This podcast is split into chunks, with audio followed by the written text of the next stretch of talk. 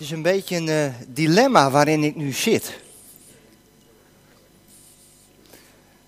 We hebben net gezongen, stil, wij, mijn ziel wees stil. En dan is het aan mij om die stilte te doorbreken. En om heel eerlijk te zijn, vind ik dat deze morgen een beetje lastig. Want we hebben met elkaar hele krachtige liederen gezongen. Hele krachtige liederen waarin God, waarin de Heer Jezus heel dichtbij komt. En ik weet niet hoe het met jullie gaat. Maar als ik de tekenen van de tijd zie, als ik in deze wereld leef, dan voel ik af en toe wel een beetje mijzelf schudden.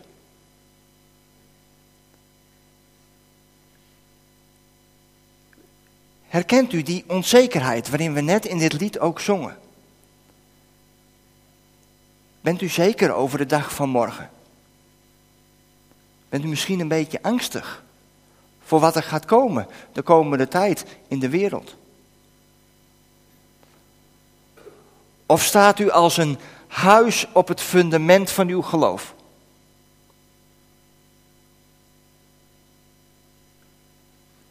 Misschien zullen velen met hun verstand zeggen, ja dat laatste. Ik sta op het fundament van mijn geloof en ik sta vast.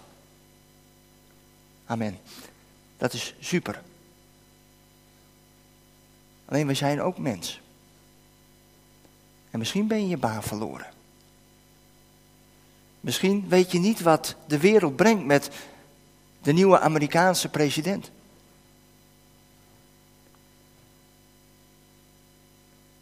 Misschien horen wij in Nederland de discussie over het voltooide leven. En keert onze maag zich om met wat dat in de praktijk zou kunnen betekenen. En zo zijn er nogal wat dingen om nou, je ook onzeker over te voelen.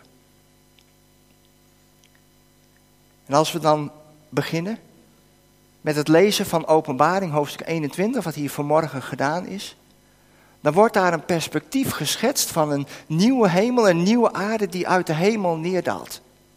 En het werd met nadruk nog vanmorgen gezegd, de huidige aarde en de huidige hemel zullen er dan niet meer bestaan. Dus alles van wat wij hier nu hebben, wat wij van hier zien, is er dan niet meer. Nou, ook daar kun je enorm naar uitzien, maar je kunt ook wel iets hebben van onzekerheid. Van wat betekent dat dan? En de Bijbel zegt daar hele bijzondere, krachtige dingen over. En we gaan dat zo nog een keer lezen. Maar ik kan me voorstellen dat, zoals we hier zitten met elkaar, dat we aan de ene kant ons soms voelen als die persoon op die vaste rots. En op dat andere moment ook zo onzeker. En als het nou buiten stormt, als er een code geel is afgekondigd over Nederland. Wat doet dat met je, morgens als je wakker wordt en je hoort het op het nieuws, code geel, de storm komt echt. Bent u dan zo iemand die zegt, haha, ik pak mijn thermo-ondergoed, ik heb er vandaag zin in, ik ga er extra tegenaan en ik doe mee aan het Nederlands kampioenschap tegenwind fietsen, wat toevallig ook vandaag gehouden wordt. Hadden natuurlijk niet een betere dag kunnen uitzoeken. Zit u er zo in? Of is er ook wel iets die zegt van nou, het is nog donker en het bed ligt zo lekker. Dat kan ik me ook zo voorstellen. En het is God die dat ook begrijpt. God die begrijpt dat. En dat is heel boeiend. En ik denk dat God tot in het diepst van zijn wezen ons graag het volledige plaatje zou willen laten zien. Maar dat doet hij niet. God laat ons niet het volledige plaatje van de toekomst zien. En je kunt er heel lang over nadenken van waarom dat gebeurt. Waarom God niet het volledige plaatje laat zien. Maar ik denk dat het volledige plaatje wat God laat zien, dat dat zo enorm krachtig is dat wij het eigenlijk niet kunnen zien. De computer moet even opstarten, maar dan lukt het vast.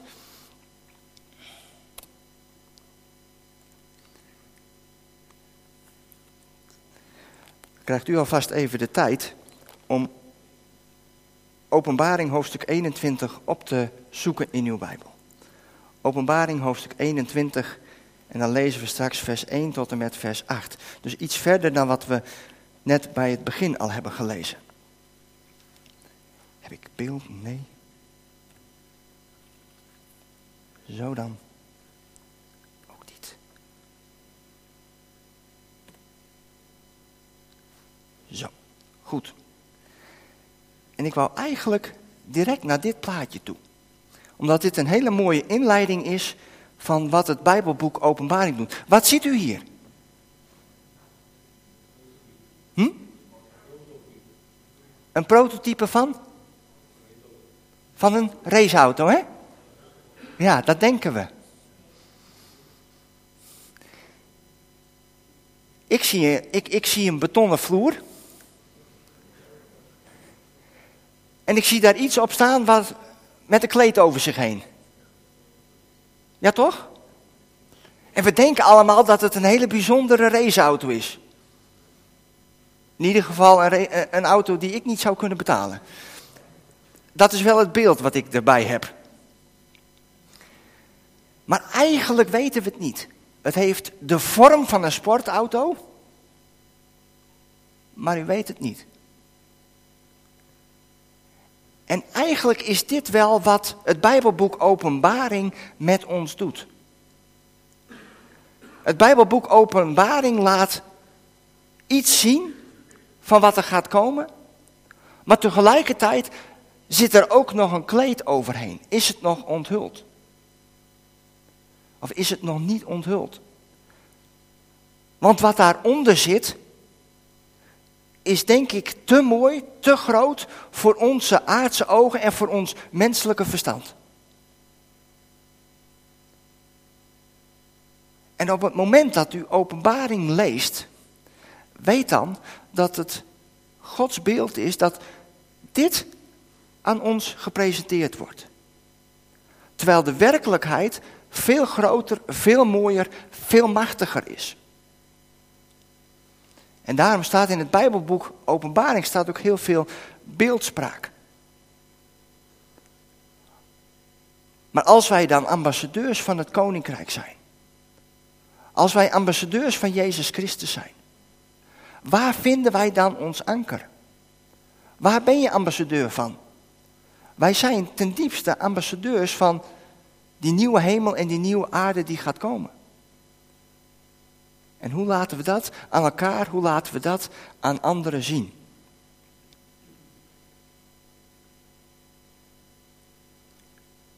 Laten we nogmaals met elkaar gaan lezen Openbaring hoofdstuk 21 en dan vers 1 tot en met 8. We vallen er een beetje middenin. Midden in het Bijbelboek Openbaring. En misschien weet u het, maar Openbaring heeft drie delen. Het eerste deel gaat over wat er was. Dat is Openbaring 1, vers 9 tot en met 20. Dan openbaart God aan de apostel Johannes wat er is. In hoofdstuk 2, vers 1 tot en met hoofdstuk 5, vers 14. En dan daarna komt eigenlijk het derde deel van openbaring tot, tot stand vanaf hoofdstuk 6, vers 1. En dan gaat het over wat er hierna gaat gebeuren. Dus vanaf openbaring hoofdstuk 6 vers 1 tot en met hoofdstuk 22 vers 9 gaat het over wat erna gaat gebeuren. En als je ziet wat er dan gebeurt, is er eerst die veroordeling van Satan. En is er het laatste oordeel. En dan, na het laatste oordeel, Openbaring hoofdstuk 21. En daar staat, ik zag een nieuwe hemel en een nieuwe aarde. Want de eerste hemel en de eerste aarde zijn voorbij en de zee is niet meer. Toen zag ik de heilige stad, het nieuwe Jeruzalem, uit de hemel neerdalen, bij God vandaan. Ze was als een bruid die zich mooi heeft gemaakt voor haar man en hem opwacht. En ik hoorde een luide stem vanaf de troon die uitriep: Gods woonplaats is onder de mensen. Hij zal bij hen wonen. Zij zullen zijn volken zijn en God zelf zal als hun God bij hen zijn. Hij zal alle tranen uit hun ogen wissen. Er zal geen dood meer zijn, geen rouw, geen jammerklacht, geen pijn. Want wat er eerst was, is voorbij. Hij die op de troon zat, zei: Alles maak ik nieuw. En ik hoorde zeggen: Schrijf het op. Want wat hier wordt gezegd is betrouwbaar en waar. En toen zei hij tegen mij: Het is voltrokken. Ik ben de Alpha en de Omega, het begin en het einde. Wie dorst heeft, geef ik vrij te drinken uit de bron met water dat leven geeft. Wie overwint, komen al deze dingen toe. Ik zal zijn God zijn en hij zal mijn kind zijn. Maar voor hen die laf en trouweloos zijn geweest, die zich hebben laten ingelaten met gruwelijke dingen, met moord, ontucht, toverij of afgodendienst, voor allen die de leugen hebben gediend, hun deel is de vuurpoel met de brandende zwavel, dat is de tweede dood. Tot zover.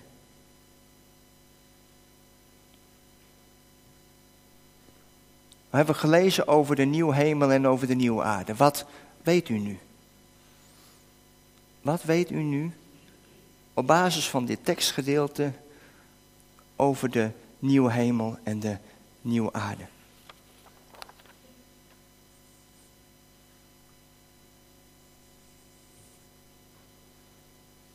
Misschien moet ik de vraag omdraaien. Wat weet u niet over de nieuwe hemel en over de nieuwe aarde?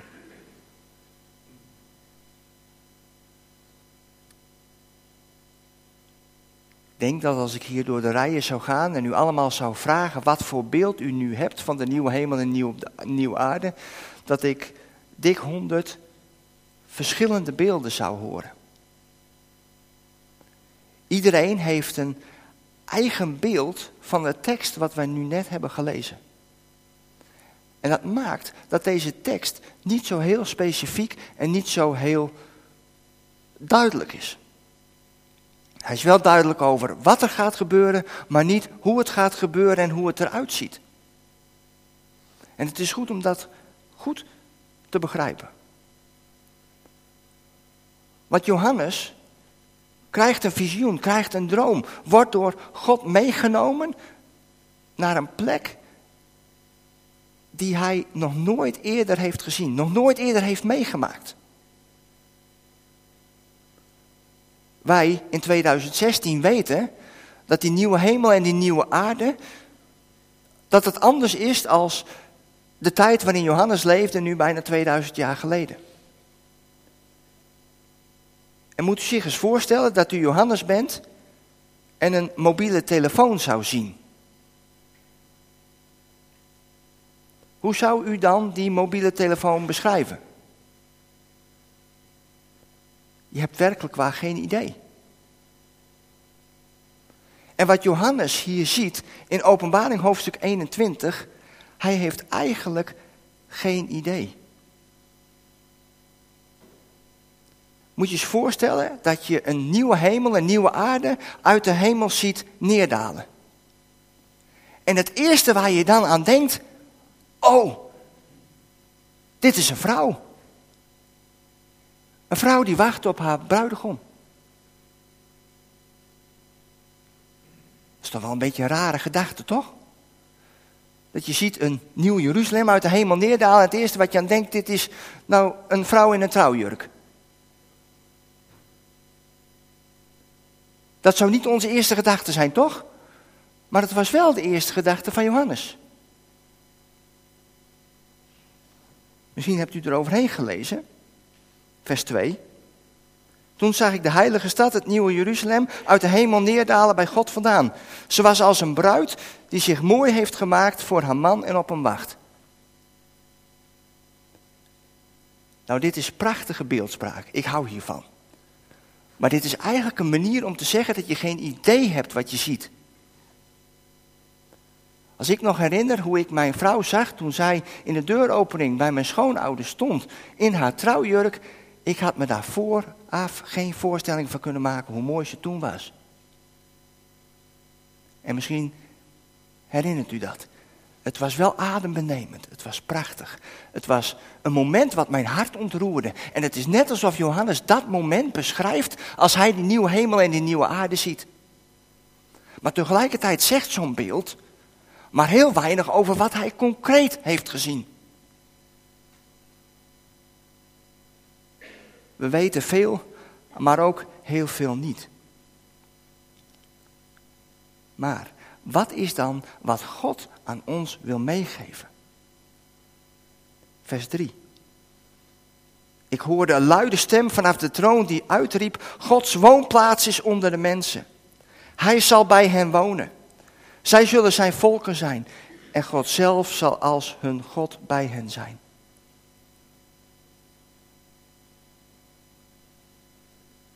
We hebben vanmorgen prachtige liederen gezongen die allemaal gingen over de nabijheid van God. En dat is de kern van het Bijbelboek Openbaring. Daar waar we misschien nu nog af en toe afstand ervaren tegenover God, is dat vanaf dit moment, Openbaring 21, niet meer zo.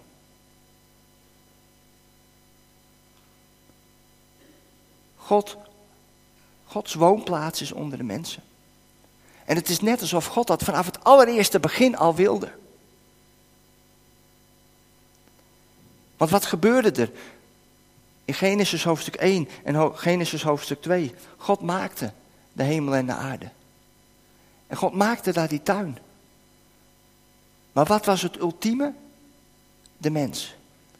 De mens die gemaakt werd naar het beeld van God. En God wandelde met die mens daar in die tuin. En dat werd verbroken door de zonde. Maar Gods doel bleef helder. Hij wilde bij mensen wonen. Hij wilde dichtbij zijn. Daarom, toen, de, toen het volk door de woestijn trok en zijn tabernakel mochten maken. Wat lezen we over de inwoning van God in die tabernakel? Als die tabernakel op een gegeven moment klaar is, komt God daar met zijn wolk en daalt hij neer daar. En de heerlijkheid van God vervult die tent. God woonde weer tussen zijn mensen, tussen het volk. Hij was als het ware tastbaar aanwezig. Later lezen we exact hetzelfde als de tempel van Salomo gebouwd is. En de heerlijkheid van God opnieuw neerdaalt en de tempel vervult. En opnieuw woont God bij mensen. En weer is het die zonde die dat verbreekt. Weer is het de ontrouw van het volk Israël wat die aanwezigheid van God verbreekt. En wat gebeurt er dan zoveel jaren later? Als Jezus aan het kruis hangt. En hij uitroept, het is volbracht met zijn laatste adem die hij heeft. Op dat moment breekt het voorhangsel van de tempel. Het heilige der heiligen, waar maar één keer per jaar de hoge priester naartoe mocht, dat werd open. Voor ons. Voor alle mensen. En opnieuw was er een vrije toegang van ons als mensen naar de troon van God. Er was geen belemmering meer. De zonde die eerst in de weg stond, was weggedaan.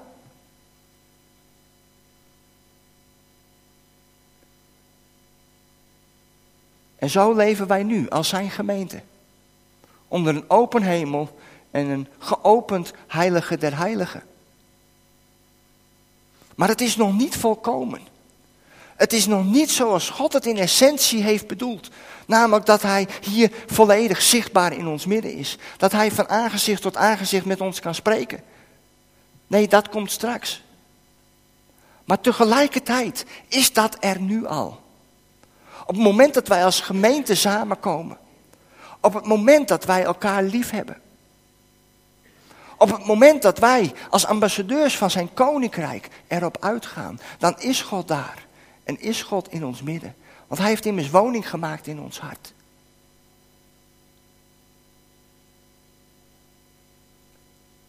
En terwijl hij woning heeft gemaakt in ons hart, kunnen we elkaar van hart tot hart ontmoeten. Is er in de onderlinge relatie, is er in de gemeente van de Heer Jezus Christus geen scheidslijn meer?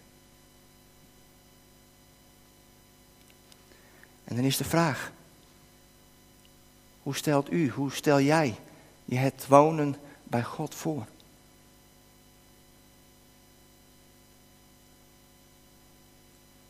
Wat ik zo bijzonder vind, is openbaring 21, vers 4. En ik ben ervan overtuigd dat heel veel mensen troost uit deze tekst halen. En zeker ook de mensen waarvoor we aan het begin van de samenkomst hebben gebeden. De mensen die worstelen met ziekte, met moeilijke berichten. Mensen die worstelen met dood.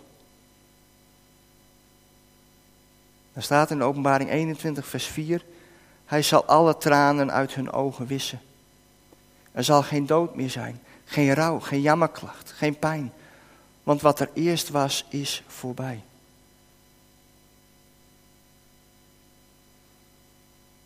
Gods woonplaats is onder de mensen. En hij zal alle tranen uit hun ogen wissen. Hoe dicht moet God bijkomen om de tranen uit uw ogen te wissen? Hoe dicht moet ik bij u komen om de tranen uit uw ogen te wissen? Uit uw ogen. Ziet u hoe dicht ik bij moet komen om de tranen uit uw ogen te wissen? En zo dicht wil God bij u, bij jou en bij mij zijn. Dat is zijn beeld. Dat is hoe God dichtbij wil komen. En dat is wel iets anders dan hoe we dat nu ervaren. Maar dat is Gods diepste wens. En dat staat, wat, staat er in Openbaring hoofdstuk 21. Dat Hij weer volledig onder ons wil wonen. En dat Hij zo dichtbij wil komen. Dat Hij de tranen uit onze ogen kan wissen. En dat vind ik heel intens. En dan maakt het me eigenlijk niet uit hoe het eruit ziet. Hoe het grote plaatje is. Maar dan springt mijn hart op van vreugde en dan zeg ik ja. Zo dicht mag God bij mij komen. En dat is waar ik ten diepste naar verlang.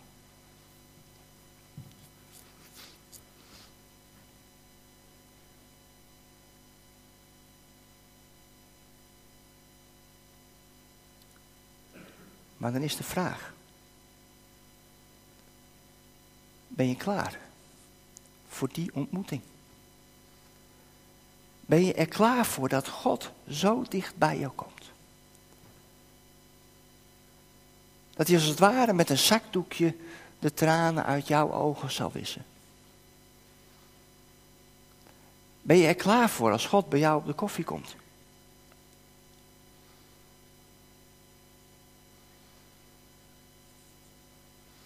Ik moest wel even nadenken over die vraag hoor, moet ik heel eerlijk zeggen.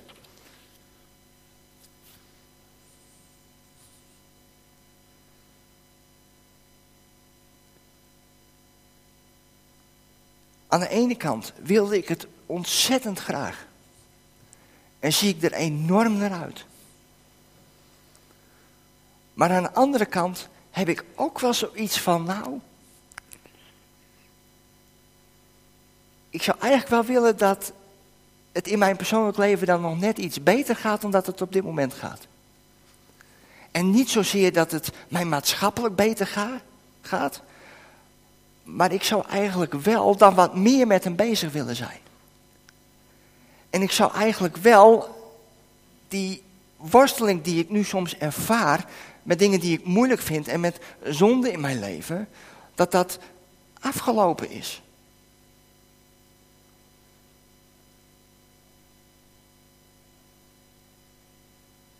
En misschien herkent u dat wel.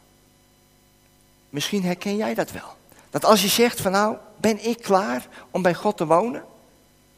Dat je aan de ene kant zegt, en misschien heb je je vorige week hier laten dopen. Dat je op dat moment zo dicht bij God voelde dat je zei van nou, alles is goed, alles is prima, laat God nu maar komen. Ik ben er volledig klaar voor. Dan zou ik zeggen, hou dat vast. Want dat is de drive, dat is de dynamiek waarin God ons wil ontmoeten. Maar misschien is je leven ook verder voortgekabbeld. En denk je af en toe terug aan het moment dat je je liet, laat, uh, dopen. Dat je zegt, hé, hey, ik wil terug naar die allereerste liefde.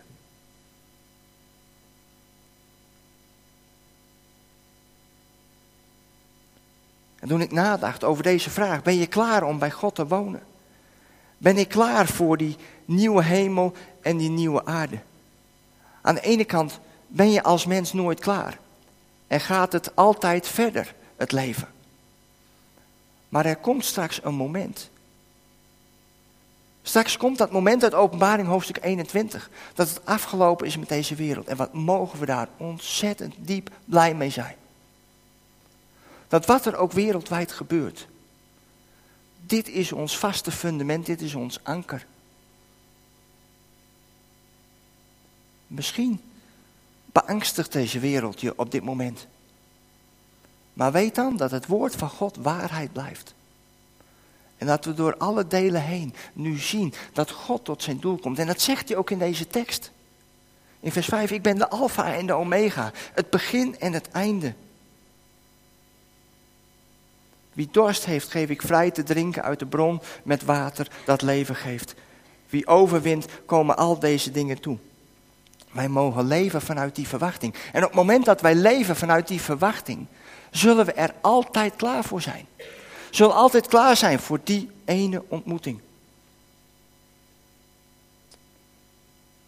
En op het moment dat je je afvraagt, wat kan ik dan doen om mezelf klaar te maken? Op het moment dat je het idee hebt dat je nog niet 100% klaar bent om die stap naar God toe te doen, voor die ontmoeting. Het begint, zegt de Bijbel, met geloven. Geloof dat het waar is. Geloof dat de Heer Jezus ook heel persoonlijk voor jou is gekomen. Dat hij heel persoonlijk voor jou wilde lijden en sterven. De Bijbel spreekt op zoveel plekken dat geloof en geloof alleen zorgt dat je voor eeuwig bij God bent. En op het moment dat je gelooft, ontvang je de Heilige Geest. En de Heilige Geest, die maakt woning in je hart en zorgt dat je met Jezus gaat wandelen. We hebben zo straks dat liedje gezongen, ik wil meer en meer gelijken op Jezus. Dat is wat de Geest doet. En op het moment dat je misschien nog duizend dingen hebt waaraan je werkt, dan geeft de geest duidelijk aan, wat mag op dit moment? Waar mag je op dit moment mee beginnen? En op grond van dat geloof, op grond van dat volwachte werk van Jezus Christus, is al onze schuld immers weggedaan. En mogen wij leven vanuit de belofte.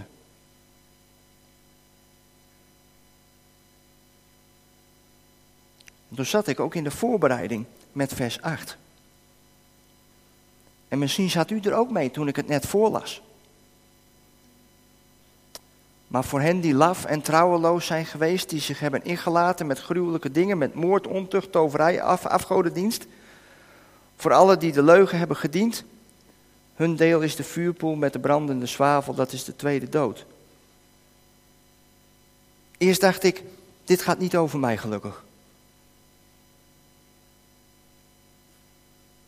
En misschien denkt u dat ook.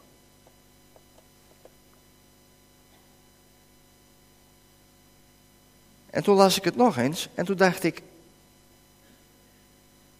het gaat wel over mij.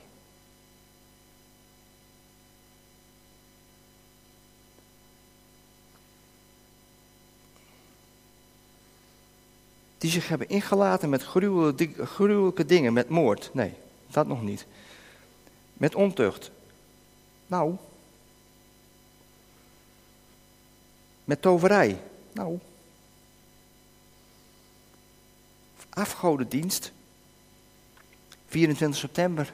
Afgelopen 24 september sprak ik hier over koninklijk geven. Misschien herinnert u zich dat nog. Waar je schat is, daar zal ook je hart zijn. Was de tekst uit Matthäus hoofdstuk 18.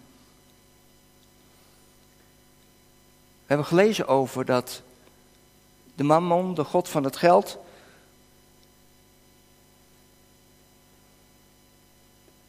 Dat je of God kunt dienen of die God van de mammon.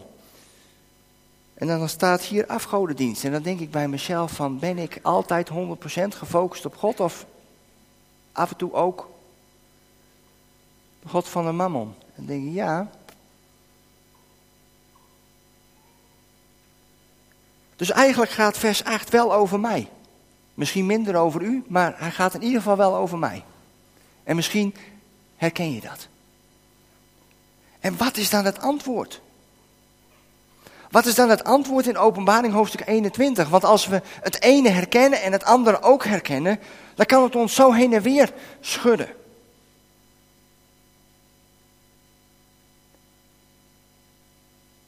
En toen dacht ik aan het volgende. Hen die laf en trouweloos zijn geweest.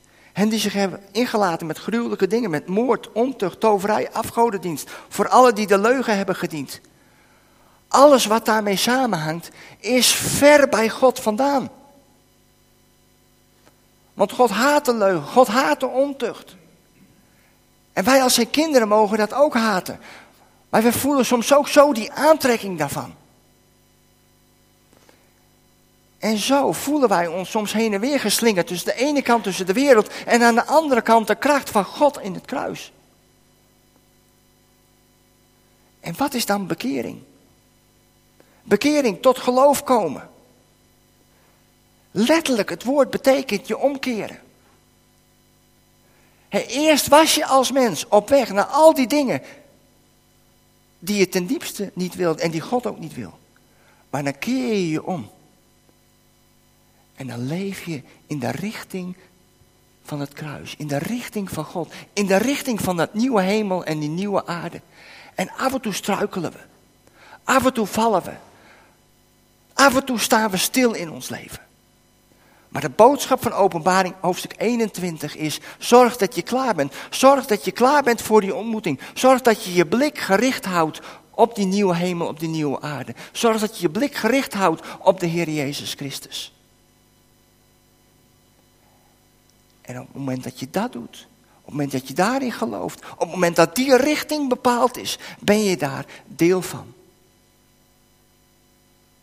En dan wordt ook werkelijk dat je dicht bij de Heer Jezus leeft. En op het moment dat die focus helder is, wordt alles wat hier in vers 8 staat, wordt minder. En dan wordt de Heer Jezus groter. En dan wordt die vraag heel anders. Naar mij persoonlijk, maar wellicht ook naar jullie. Wat zie je groeien in je leven? Zie je de Heer Jezus groeien in je leven? Of zie je die dingen van vers 8 groeien in je leven? En op het moment dat je daarop antwoord geeft op die vraag, weet je ook wat je moet doen. Want op het moment dat je de ontucht in je leven groter ziet worden, is het Bijbelse antwoord: bekeer je. Kom dicht bij God. Laat je door Hem leiden, laat je door Hem veranderen. En op het moment dat je op diezelfde vraag het antwoord geeft. Ik ervaar die nabijheid van God en die wordt steeds groter. Dan mogen we elkaar vanuit het diepste van ons hart aanmoedigen en zeggen: ga daarmee door. Blijf wandelen in God. Blijf wandelen in zijn liefde. Blijf nabij, want dan word je steeds reiner, steeds mooier. En word je steeds meer klaar voor die ene ontmoeting die straks gaat komen. Leef vanuit de belofte. Dan die vraag. Wat kun je doen om je klaar te maken? Vandaag. Formuleer voor jezelf eens drie acties waarvan je zegt, die keuze kan ik vandaag doen. En dan treffen we dat het herfst is buiten. Dat er vanmiddag waarschijnlijk niet allerlei activiteiten buiten zijn te doen. Ja, of u moet meedoen aan het WK, of het Nederlands kampioenschap tegen de wind in fietsen. Maar als u daar niet aan meedoet, en die indruk had ik een beetje toen ik het zo straks tegen u zei, dan hebt u mooi de tijd om met God te overleggen, wat mag ik vandaag doen, zodat ik dichter bij u mag komen.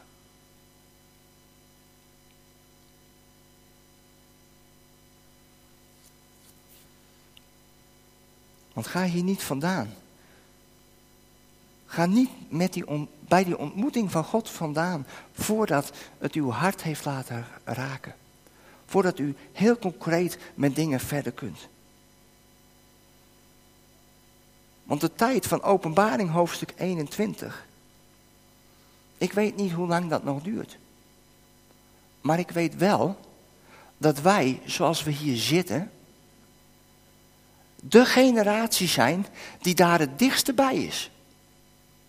Van alle generaties die zijn geweest, zijn wij de generatie die er het dichtste bij is. En mijn hart, mijn leven verlangt naar die ontmoeting van Openbaring hoofdstuk 21. Als we op mijn werk praten over het verschuiven van de pensioenleeftijd, is de eerste gedachte die ik heb, ik denk niet dat ik dat nog meemaak. Vorige week nam er een collega afscheid en die zei, Martijn, met een beetje geluk mag jij nog 30 jaar werken. Ik zeg, yes, maar ik denk niet dat ik nog 30 jaar ga werken. En toen kregen we zo'n gesprek over openbaring hoofdstuk 21 en het was een mooi gesprek op het werk. Ik denk dat wij, dat deze generatie het gaat meemaken. Dat openbaring hoofdstuk 21 in de praktijk gebracht wordt. Hoe lang dat precies gaat, weet ik niet. Maar wel die oproep van God vandaag, gedreven door de Heilige Geest, zorg dat je er klaar voor bent. Zorg dat je klaar voor die ene ontmoeting bent. Dat God ook de tranen van jouw ogen gaat afwissen. En als je het idee hebt dat je je dingen, van dingen moet bekeren, doe dat vandaag. En als je het idee hebt dat je dichter bij God moet komen, doe dat ook vandaag. Zullen we nog een moment bidden?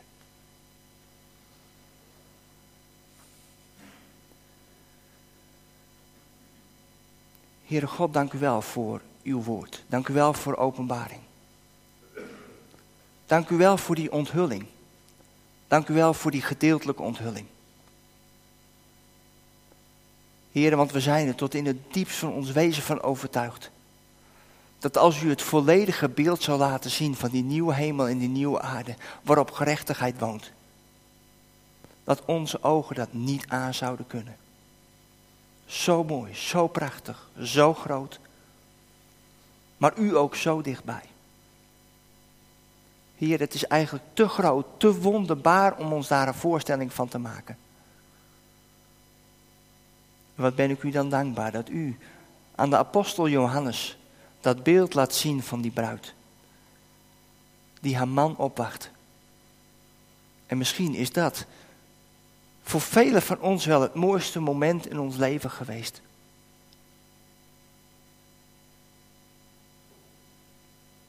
Heren, dank u wel dat uh, zo het beeld van openbaring hoofdstuk 21 ook het mooiste beeld in onze gedachten mag worden. Wat nog in het verschiet ligt. En dank u wel, heren, dat wij de generatie zijn die het dichtst bij is. En Heere God, dan willen we tegen u zeggen dat we dichterbij willen komen. Dat het ons serieus is. Dat we in ons hoofd drie acties nemen. Om vandaag nog uit te voeren, om dichter bij u te komen. Heren, wat u belooft is groot. Maar de verantwoordelijkheid die u bij ons neerlegt is ook groot.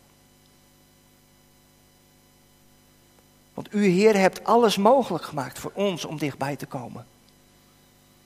En geef, Heer, dat wij elke belemmering af zullen leggen. Dat wij zullen breken met de zonde. Dat we zullen breken met de mammon. Dat we zullen breken met de ontucht. Dat we zullen breken. Dat we ons zullen bekeren. Van de weg waarop ook wij soms lopen. Heer, omdat wij zo diep in ons hart verlangen naar die ontmoeting met u en daar klaar voor willen zijn. Heer, breek af wat afgebroken moet worden. En bouw op wat opgebouwd moet worden. Heer, we vertrouwen onszelf aan u toe. Heer, en we zien uit naar uw toekomst. Daar waar ons leven onzeker is, zien we uit naar uw toekomst. En zegen ons daarin hoofd voor hoofd. In Jezus' naam. Amen.